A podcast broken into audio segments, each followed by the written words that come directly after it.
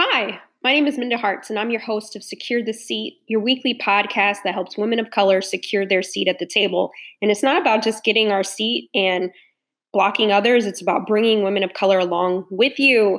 And I'm excited because we have a great episode today, but we are less than a month away from my book coming out into the world. If you have not pre ordered the memo, What Women of Color Need to Know to Secure a Seat at the Table, go to Amazon, Apple, Target, Walmart, indie bookstores, your local bookstores, call your library, whoever, Barnes and Nobles. There are plenty of places that you can get this book. Um, I also recorded an audio book, which I don't think it's available yet, but it will be coming. But Kindle, however you get down, go and get it. Those pre orders matter. If you know someone who could benefit from this book, tell them about it or get them a book gift it to them. Um, also, I'm going on book tour starting in New York City on August 20th. You can actually go to Hachette Book Group if you put Minda Harts Hachette Book Group. Click on Hachette. My whole tour schedule is firming up. Um, there's so many cities being added daily uh, DC, New York, Chicago. We did sell out for DC on the 26th, but I just opened up a few more slots because I wanted to make sure that people get in there. So make sure you're there. I want to see you. You've been rocking with me and it's been a long time coming and I just want to say thank you from the bottom of my heart. And if you have not been to mindaharts.com in a while, go there. I have a new site up and I am launching a virtual book tour I'm sorry, a book club, uh, actually, kind of like a tour.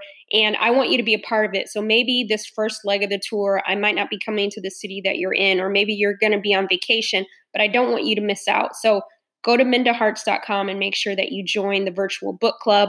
We will be meeting each month and diving in, but most importantly, this is your book club. I want you to be able to connect with other people in the community and talk about some of the things that maybe I've been on your mind or just get some things off your chest as it relates to being one of the only ones in the workforce or one of few in your office. So just want to make sure that you go there. There's a lot of great things on the website. So take a look at mindaharts.com.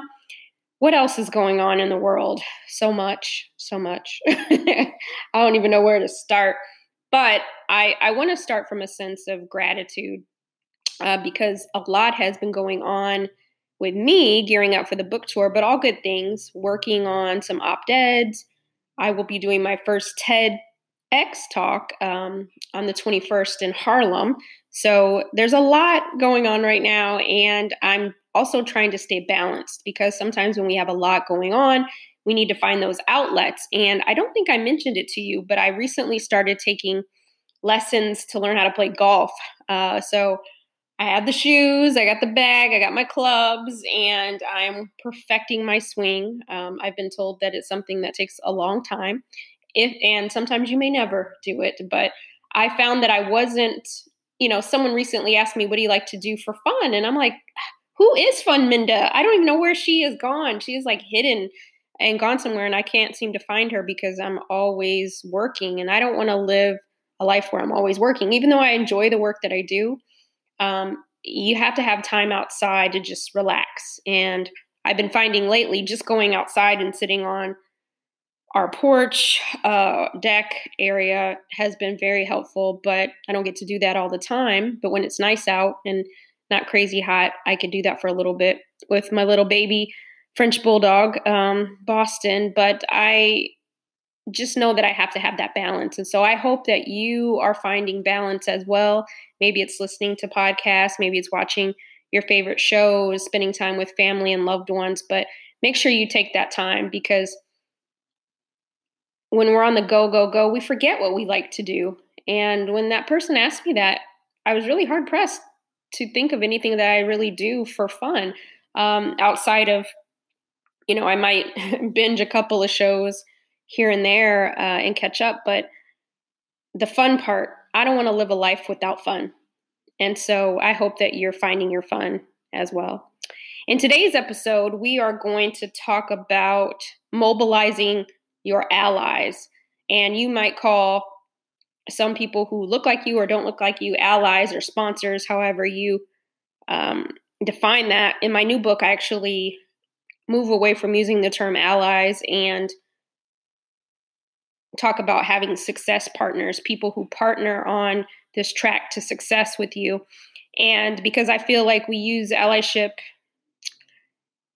just as a term, right? But sometimes there's nothing behind it, nothing to go along with it. There's no action.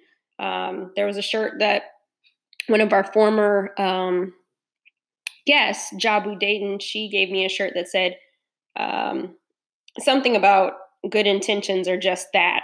Uh, and we have to move past just good intentions and move to the activation part. And so today we're going to talk about how you mobilize those folks. And today's guest uh, is Jamie. You're really going to enjoy Jamie. She's the director of strategy management and growth at Atrium Health in North Carolina.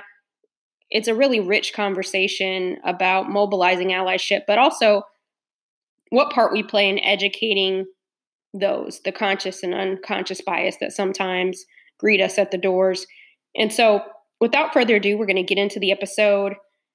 And I know you're going to love it. So make sure that you take down these notes because sometimes you got to, you hear things once, right? And, and see how it hits. See how it hits. Sometimes you have to listen to an episode a couple times. There's things I have to listen to a couple times because it hits different depending on when you're what you're going through, right? And so um, let me know what you think of today's episode. I'll also make sure that I include Jamie's information so you can let her know on social media any questions that you might have or what you thought about the episode.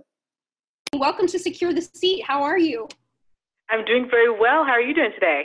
I'm doing good. I'm so excited to have our conversation about mobilizing your allies. Are you ready for it? I am so ready. I'm ready. Great. But before we get started, why don't you tell our listeners a little more about yourself? Sure. So my name is Jamie Tynan. I am the Director of Strategy at Atrium Health, located in Charlotte, North Carolina. Very passionate about healthcare, health disparities, and diversity, inclusion, and equity work. So um, this is a space that I've been passionate about for a long time and look forward to sharing a little bit about my knowledge on the topic and, and how women of color can, you know, as you say, secure their seat at the table. So very excited to be here today.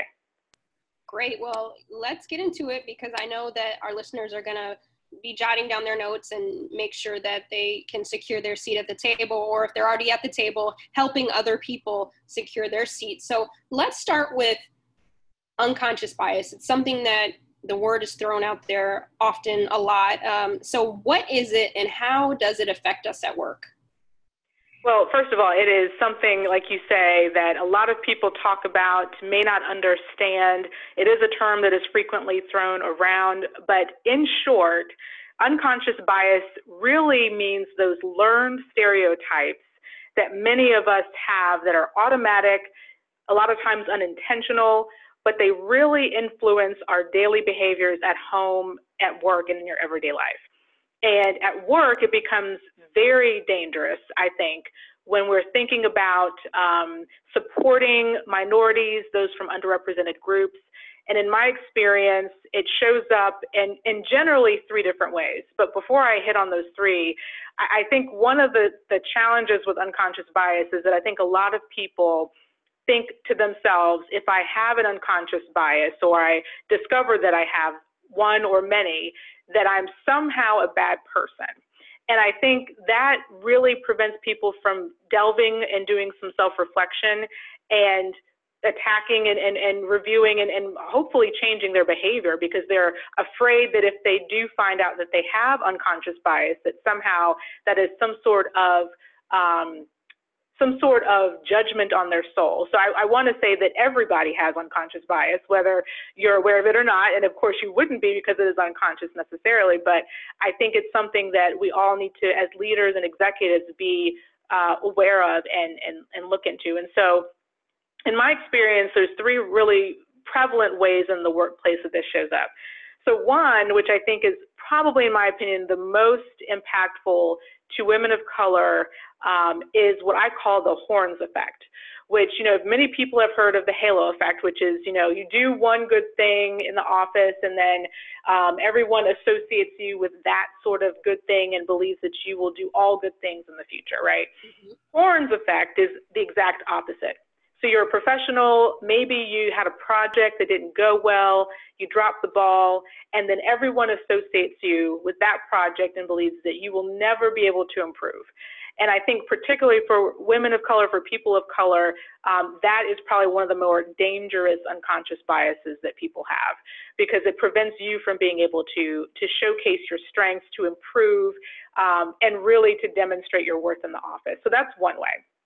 The other way is similarity bias, which I see a lot as an executive, where um, you know I, I know someone who's maybe coming in for an interview. They went to the same school that I went to, or maybe they uh, worked for the same company in the past, and so I associate that because we have that similarity that they will be like me. And the danger with that is that you can be very much overlooking some of the other qualities that that person has or wrongly associating that goodness with that person. And so that's another one of those things at work where we, we tend to seek out similarities in people and overlook the differences of which might actually be good.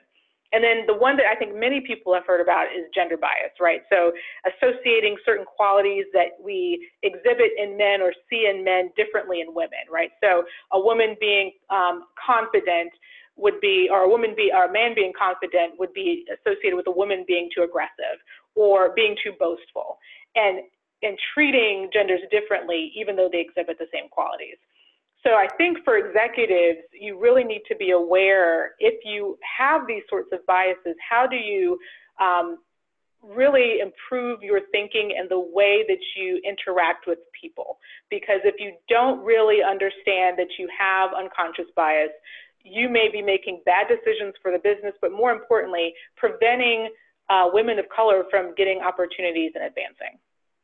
Yeah, uh, you preach, preach, preach. Um, I love that you broke it down in like three three levels, and I'm sure that our listeners have felt it on one of, if not all of them, at one point in time. I know that whole thing of sometimes when you're the only one, then you're the you're the keeper of all things, right? And so if you do a good job, then it's all good for all black people. If you, you know, muck it up, then everybody behind you doesn't get a shot. And, and I think it's important, like you said, that we all have these biases that we hold, and it's important to take some time to reflect.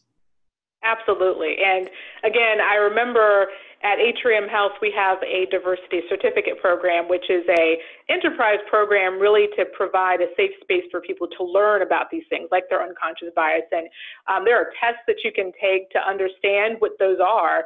And it was very enlightening for me and other attendees to really say, wow, we all do have these biases. Some are actually positive, some are really harmful. But as an executive, you really need to do that, that self reflection to make sure that you are not treating people unjustly in the office um, and preventing them from great opportunities and great potential because you have these biases.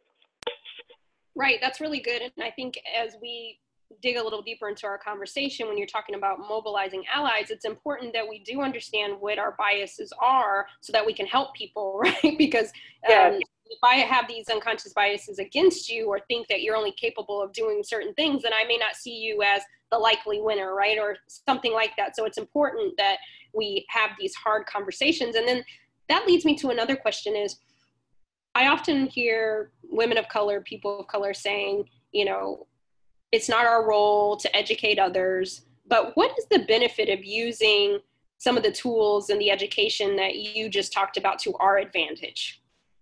Yeah, you know, I have a sister circle, so I have a group of really trusted girlfriends that I confide in about work and life and all sorts of things. And I think the the common theme with what you just said around feeling like it's not our job to educate. I also feel that I think um, a lot of women of color, people of color, are experiencing what we're what I would call to be education fatigue, right? So you you have an interaction with someone. Clearly, it had some it had an undertone to to race or gender. Um, and and number one, you have to figure out how to hold yourself good, right? So you not to react over or overreact. But then you have to then educate them on why what they said or what they did was inappropriate or wrong. And so I think a lot of us are have experienced edu- uh, education fatigue because um, you feel like you're constantly trying to educate. It's not moving the needle. And quite honestly, I mean, here we are in 2019, and we are still having to educate people on um, diversity and inclusion, why it's important, and how your behaviors impact. But there's the, the beauty of being able to educate is that you can really convene conversations around the topic. And I think diversity as a topic, unfortunately, is still very uncomfortable for certain people. And if you can somehow be the one to convene conversations, help people understand um, how what they say and what they do um, can be received by people of color, um, you can be viewed as someone that is a safe space to have conversation around, to have courageous conversations around diversity. Um, and you can really make connections with people that are, aren't like you and help them get to where they need to be on this topic. Um, I remember I was talking to one of my mentors um, a couple months ago when we were having coffee, and she was saying, you know, with the, with diversity and inclusion, unfortunately, some of us are very much ahead of the curve. We are there, we're ready, we're ready to storm the Bastille, we're ready to make, you know, make sure that everyone is is acting appropriately, understands what it means to be um, a diverse executive and, and how we need to elevate people based on their, their merits, but also make sure we have diversity at the table. And there's some people in your organization, some large groups, smaller groups, that are just simply not ready. They, they, they don't understand. And if you don't educate, and as fatiguing as it can be, if you can't be the one to be bold and courageous and say, I want to convene the conversation, I want to help people get to where we all need them to be, you're going to miss opportunities to connect and for people to see you as a leader and an executive. So I think there's benefits to really using education to demonstrate your readiness to operate at that next level. Yeah, that was really great. I think, you know, for me, I'm one of those people uh, too that I, am not at the education fatigue yet. Like, I'm just happy that people are asking the questions, right? Because there was a time where nobody wanted to ask, nobody wanted to be educated. and so, right. for me, like, if, if you, I know it probably took a lot for you to come and ask me this question. So, now that we're here, let's do it. But I, I know like girlfriends and things are just, they're at their breaking point, right? So, I'm glad that there's some of us willing to still rock it out and try to learn some education uh, for them. Absolutely, and I think I think if we if we consider what it means to be an executive, and I'm, I'm speaking in general terms because I think even though it has been a, a monumental effort to get to where we are today, I do think that most organizations are looking for executives that have an eye for diversity, inclusion, and equity as table stakes because they understand there's research out there that talks about the business case for it. And I don't want to harp too much on that because I, I do feel like that drum has been beaten and the data is out there. Um, and this is work that should just happen regardless of whether or not there is ROI. I think it's doing the right thing for people. Um, but if you believe that diversity, inclusion, and equity are table stakes to getting a seat at the table, to being, a, being an executive, then I believe that we have um, a really empowering role to model the way and to and to be and see the and the, to be and see the change that we want in other people. Yeah, well said, well said. And with that, with that, I want to kind of dig even a little deeper And how do we find and identify these potential allies in the workforce that could be, you know, maybe we might have seen Bob as problematic at one time, but he's trying to come, you know, he wants to be helpful. He's red, white fragility, you know, he's, he's there. Um, how do we identify potential allies and how do we mobilize them? What is, what are some tips in that regard? Yeah, so first of all, I think we need some common language around what an ally is and what an ally isn't. Um, and so to me, being an ally is a huge responsibility. It is an active role. Um, so you are actively um, trying to seek out knowledge in a space that is foreign to you, right? So um, it is a choice, it is a conscious choice to say, um, I am stepping out of my comfort zone because I think a lot of a lot of the discussion around diversity, inclusion, and equity has to do with people feeling uncomfortable and being comfortable feeling uncomfortable. So to me, there are really a few characteristics of what an ally is. So first of all, and this is how you would identify an ally, someone who is actively listening to underrepresented groups and valuing and believing their lived experience. So I've seen a lot in my career where, you know, I am confiding in one of my coworkers about maybe a microaggression that I experienced, and it's immediately dismissed as I'm being, I'm overreacting, or I misread, or I saw something differently. Um, rather than saying, you know what, tell me more about that. I want to understand what it is and what happened, how did it make you feel, um, and really validating in a certain way that what I experienced was my lived experience and um, and making sure that you understand how that impacts my ability to show up at work. And then changing your behavior right? So once you become educated what do you need to do to change your behavior the other piece is proactively educating themselves on issues affecting people of color underrepresented groups so rather than immediately talking about how I'm not this or that, or I, I don't have stereotypes, or or I don't understand the the issues affecting certain groups in the workplace, why don't you proactively educate yourself? Learn more about what some of those issues are. I think a lot of organizations do have employee resource groups. That's one way to do it, but even just keeping introducing yourself to people that aren't like you and learning more about them. And then realizing that microaggressions actually do exist and understanding the impact they have on a person's career trajectory. And I think um, one of the things that I'm personally passionate about is this topic on bullying in the workplace. And I think that if you look at the research that's out there, um, I think it's three out of four women have actually been bullied by another woman in the workplace. And I think the statistics are even higher for people of color. And the reason is, one of the reasons I would say is being able to realize the behavior that um, really prevents people from progressing in their careers, and specifically around these microaggressions, understanding that the things, the behaviors that you do as an executive or an individual um, of a dominant group, um, you really have to take that introspective look to, to understand and appreciate how it impacts another person. Take responsibility not just for the action, but also the outcome. What did that, how did that person receive what you said? And understanding um, that what's appropriate and what's not appropriate. So I think once you identify an ally, I think that the key to mobilizing and transitioning them from what I would consider to be an ally to be a sponsor is number one, um, you really need to find someone who can champion you. And part of that, as women of color, we need to do a better job of owning our success and, and shouting from the rooftops when we do have success.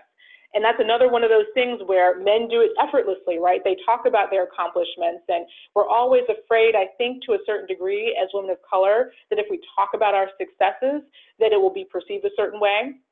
But the flip side of that is if no one knows about your greatness, um, they can't champion you. They can't be a sponsor for you. They can't um, elevate you and put you in new roles. You have to get to a comfort level of owning your greatness and sharing that greatness with others. And I think once you do that, you're going to be able to form different types of relationships with um, you know, people in your organization at varying levels because they understand what value you bring to the organization. So I think at this point, women of color, in order to get that seat at the table, you really need to to say and um, and share all of your accomplishments and not be afraid to do so. Um, and I remember I was talking to a mentor um, a little while ago, and she said, "You know what? Take for example, you're you know you're riding in the elevator. A very senior executive comes on the elevator with you and asks you how you're doing, and you say fine. Right. Um, that is a perfect example of when you can actually say, you know what, I, I finished this really great project that did this for the organization. Um, I'm super excited about that. My team did an awesome job. I mean, just look at how you flip that whole conversation by sharing your greatness and letting someone know about it. And then they can say, wow, I just met this person that's working on this project. Did you know about it?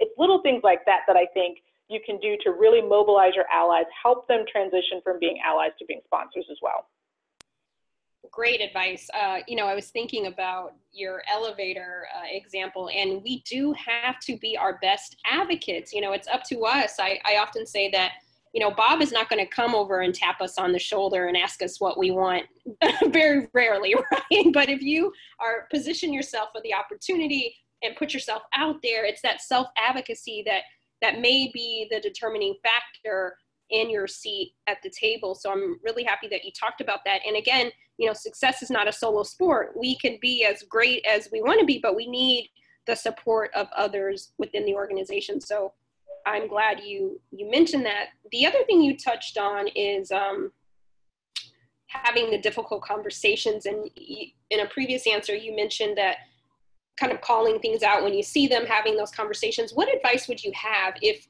you are working, you, you know, you're in your job and maybe one of your colleagues they mean well you believe they mean well in in their language to you but they're kind of saying some things that are dismissive condescending how do you have those conversations like that so where you don't I know what we've been told don't rock the boat, right? But how do you have those conversations so that you still come out unscathed if and, and we don't know the outcomes, right? But I think it's better to address it when it happens so that people can learn a lesson. But maybe you can talk about some tips on how to do that because as people come into the workplace, we all have, we carry this baggage, we have these biases. And so we do need to let people know when they're kind of out of pocket in a very, you know, professional way. So I'd love to dig a little deeper on that if you, if you have some thoughts. Yeah, absolutely. I think that, I think that when those things happen, the best way to equip yourself is to um, be prepared to respond very much like you just said in a way that you know doesn't rock the boat but acknowledges that the behavior is not acceptable or what was said was not acceptable. So a couple of things that i do when i'm confronted with something that someone did or something said number there's so there's usually two responses i have. Um, number one um, i will acknowledge the fact that i was hurt by it um, right then and there. I, I think that um, a simple thing, if someone said something that was offensive to you, I, sometimes I'll just say, ouch, that really, wow, I, I, I'm, I'm offended, right? And I think it's okay to do that because if you don't confront it then, people won't understand the immediate impact that has on someone. And I think it's perfectly acceptable to address and say, wow, I, I, was offended by what you just said. And that will allow you to open the door to explain why, right? So it's not just about me being offended, but why was I offended by what you said? Um, the other thing that I use in my arsenal when I hear things that something that someone said that was offensive to me is, well, what did you mean by that? Um, and I use that term, that use that question a lot because a lot of times people come at it, well, I was, I said something, but I didn't mean what I said, um, or maybe they did mean what they said, and it's important for you to have them verbalize that. And I use the second one probably more than the first because it, like again, it opens the door for discussion. So if, if I say, what did you mean by that? Either they'll get frazzled and, and they, they will retreat and they will say, well, wait a second, maybe I need to rephrase or they will feel brave enough to say, well, here's what I meant. And then you can have a conversation about, well, maybe you should approach it or say it differently because this is the impact that it's having. I think those two simple questions that you can use when you're confronted with like offensive um, rhetoric or behavior, I think is a way to be non-confrontational in a lot of ways, but it, it, it allows you to acknowledge that it wasn't acceptable behavior and it also opens the door for dialogue. And I think what we need to do is get to dialogue and getting people talking, having these courageous conversations. Yeah, I love that. I, I love that. You know, tell me what you what you meant by that because um, I heard Brene Brown say uh, during her her book tour that you have to there was this guy that she was dealing with and he kept saying things in meetings that she didn't like and she would leave like upset. And then she realized when she finally like pulled him to the side and addressed this he was shocked. Yeah. It, right? But, but had she but she kept she was you know harboring these feelings about the situation but he had no clue that that when he said x that made her feel y right? And so i love yeah. that you said um, and then we kind of put both we force ourselves to be courageous then we force them to be or not, right? But we're putting it on, on them. I love it. Absolutely. Yep. So, no, this is a great conversation. I know that our listeners have gained a lot of wisdom from what you said because these it's it's all about having the hard conversations and because like you said we have not been having the dialogue we shy away from anything that appears to be um, difficult and not necessarily on the side of women of color, but anybody on the opposite end of that, right? They don't want to feel that challenge, but um, identifying those people that can be allies and maybe they may have been a little problematic, but maybe having the conversation with them, you might find that they may be your biggest advocate in the workplace. Um, Jamie, how do people connect with you and follow you and support you? Oh, absolutely. So I am a big lover of social media. So I'm on LinkedIn and my name is so uniquely spelled that I'm probably one of many, a, a very few, I should say, on LinkedIn. Um, so please feel free to contact me on LinkedIn. Also Twitter. It's just my first name. I was very lucky to be able to get that. Not too many people can get, you know, just their first name as their Twitter um, as their Twitter Twitter handle. But I'm on LinkedIn and Twitter primarily. Um, would love to continue and have conversations and help people think through ways that they can address some of these issues in the workplace. And always available on uh, on email as well. And happy to share that um, with with you so that listeners can email if they feel like they want to. Awesome. I will make sure in the show notes at mindaharts.com that we have your social media information, and we'll also take this conversation to the Twitter street so you can join in on the conversation. But before I let you go, I have to ask you my bonus questions as a lover of grits and rap lyrics. What is your favorite rap lyric and why? Oh goodness. So um so I probably and and, and I guess the, the one that I'm going to give you um, I don't know that it would be considered classic rap. It's actually kind of maybe a mixture of rap and R&B. But the, the album that had the biggest impact on me growing up was The Miseducation of Lauryn Hill.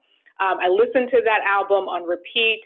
Um, it was so nice to see a woman of color embracing herself and, and, and speaking the truth about a lot of things in her life.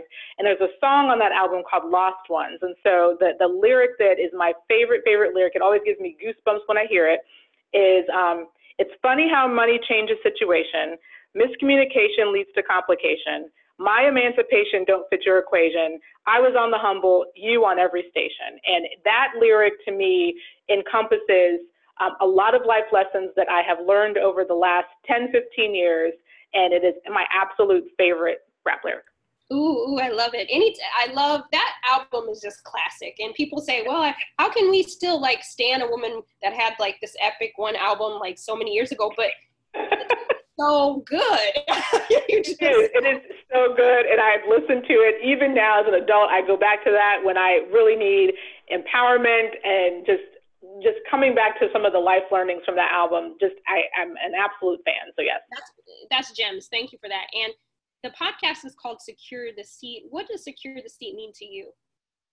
Um, for me, uh, securing the seat means one important concept, and to me, it means owning your worth um, and harnessing your power to be an advocate for women, specifically women of color. That's what it means to me. And hopefully, whenever I secure that seat, those are the two things that I hope to embody. Um, always coming from a place of gratitude and never forgetting to pay it forward and paying it backward. That's what it means to me. Boom. That's great. That is securing the seat. It's been such a pleasure having you on. Thank you so much, Jamie. We'll talk soon. Thank you very much. I know you enjoyed that episode. And for my lovers of grits and rap lyrics, just like me, I know you loved that Lauryn line. There's always room for Miss Hill. And make sure that you connect with Jamie. She's active on Twitter and LinkedIn, but you can find her on Twitter at J H A Y M E E. So if you want to continue to have this conversation, connect with her. I'll also put it in the show notes. Uh, but there's more conversation to be had. If you follow me on Twitter at Minda Harts, you know I like to have these conversations too. So I'm sure Jamie would love to hear from you. Also, I want to share with you because it just came in. So I was reviewed by P, a couple of these um, review, I guess, book review companies. I don't know the lingo because, excuse me, I, I'm just learning it. and so different lists, I guess, have reviewed my book. And I just got one of them back from Booklist. I guess um, they, I am told they are big deal, and I'm very grateful. And so I wanted to read to you what they what they said. Women of color face unique challenges in the workplace, yet there are few career guides written by those with firsthand experience. Harts, the founder of the Memo, a career development company for women of color, starts with what she calls the ugly truth, covering topics that women of color face at work, such as dealing with microaggressions or outright racism, and building a network without the privilege of opportunity and wealth. Harts offers plenty of advice as well. In Invest in Yourself, she advocates for creating a career blueprint, and hiring a career coach to help advance skills. Other tips include how to find career allies in positions of power and the importance of negotiation. She offers she also offers insights for her right readers. and wraps up with the chi- title, Let's Work. I need to learn how to read if I'm going to go on book tour, right? Which has valuable resources like email introduction templates, podcast suggestions, do's and don'ts, and more. The book has been dubbed a lean in for women of color and will surely be popular, especially among professional women and those interested in diversity and inclusion. So, that is an early review by Booklist. And so I'm super excited and super grateful. Um, and I hope it will be an impactful book. And so if you haven't had a chance, go and do that. And if you haven't left a rating or a review for Secure the Seat, make sure that you do that wherever you like to listen Spotify, Apple, uh, Anchor. You can do that there. And so I hope that you're doing well. I hope you have a good week. Enjoy summer. It's uh, it's a beautiful time just to enjoy the seasons. And so don't let it pass you by. Make sure you find that balance. Until next week, keep securing your seat.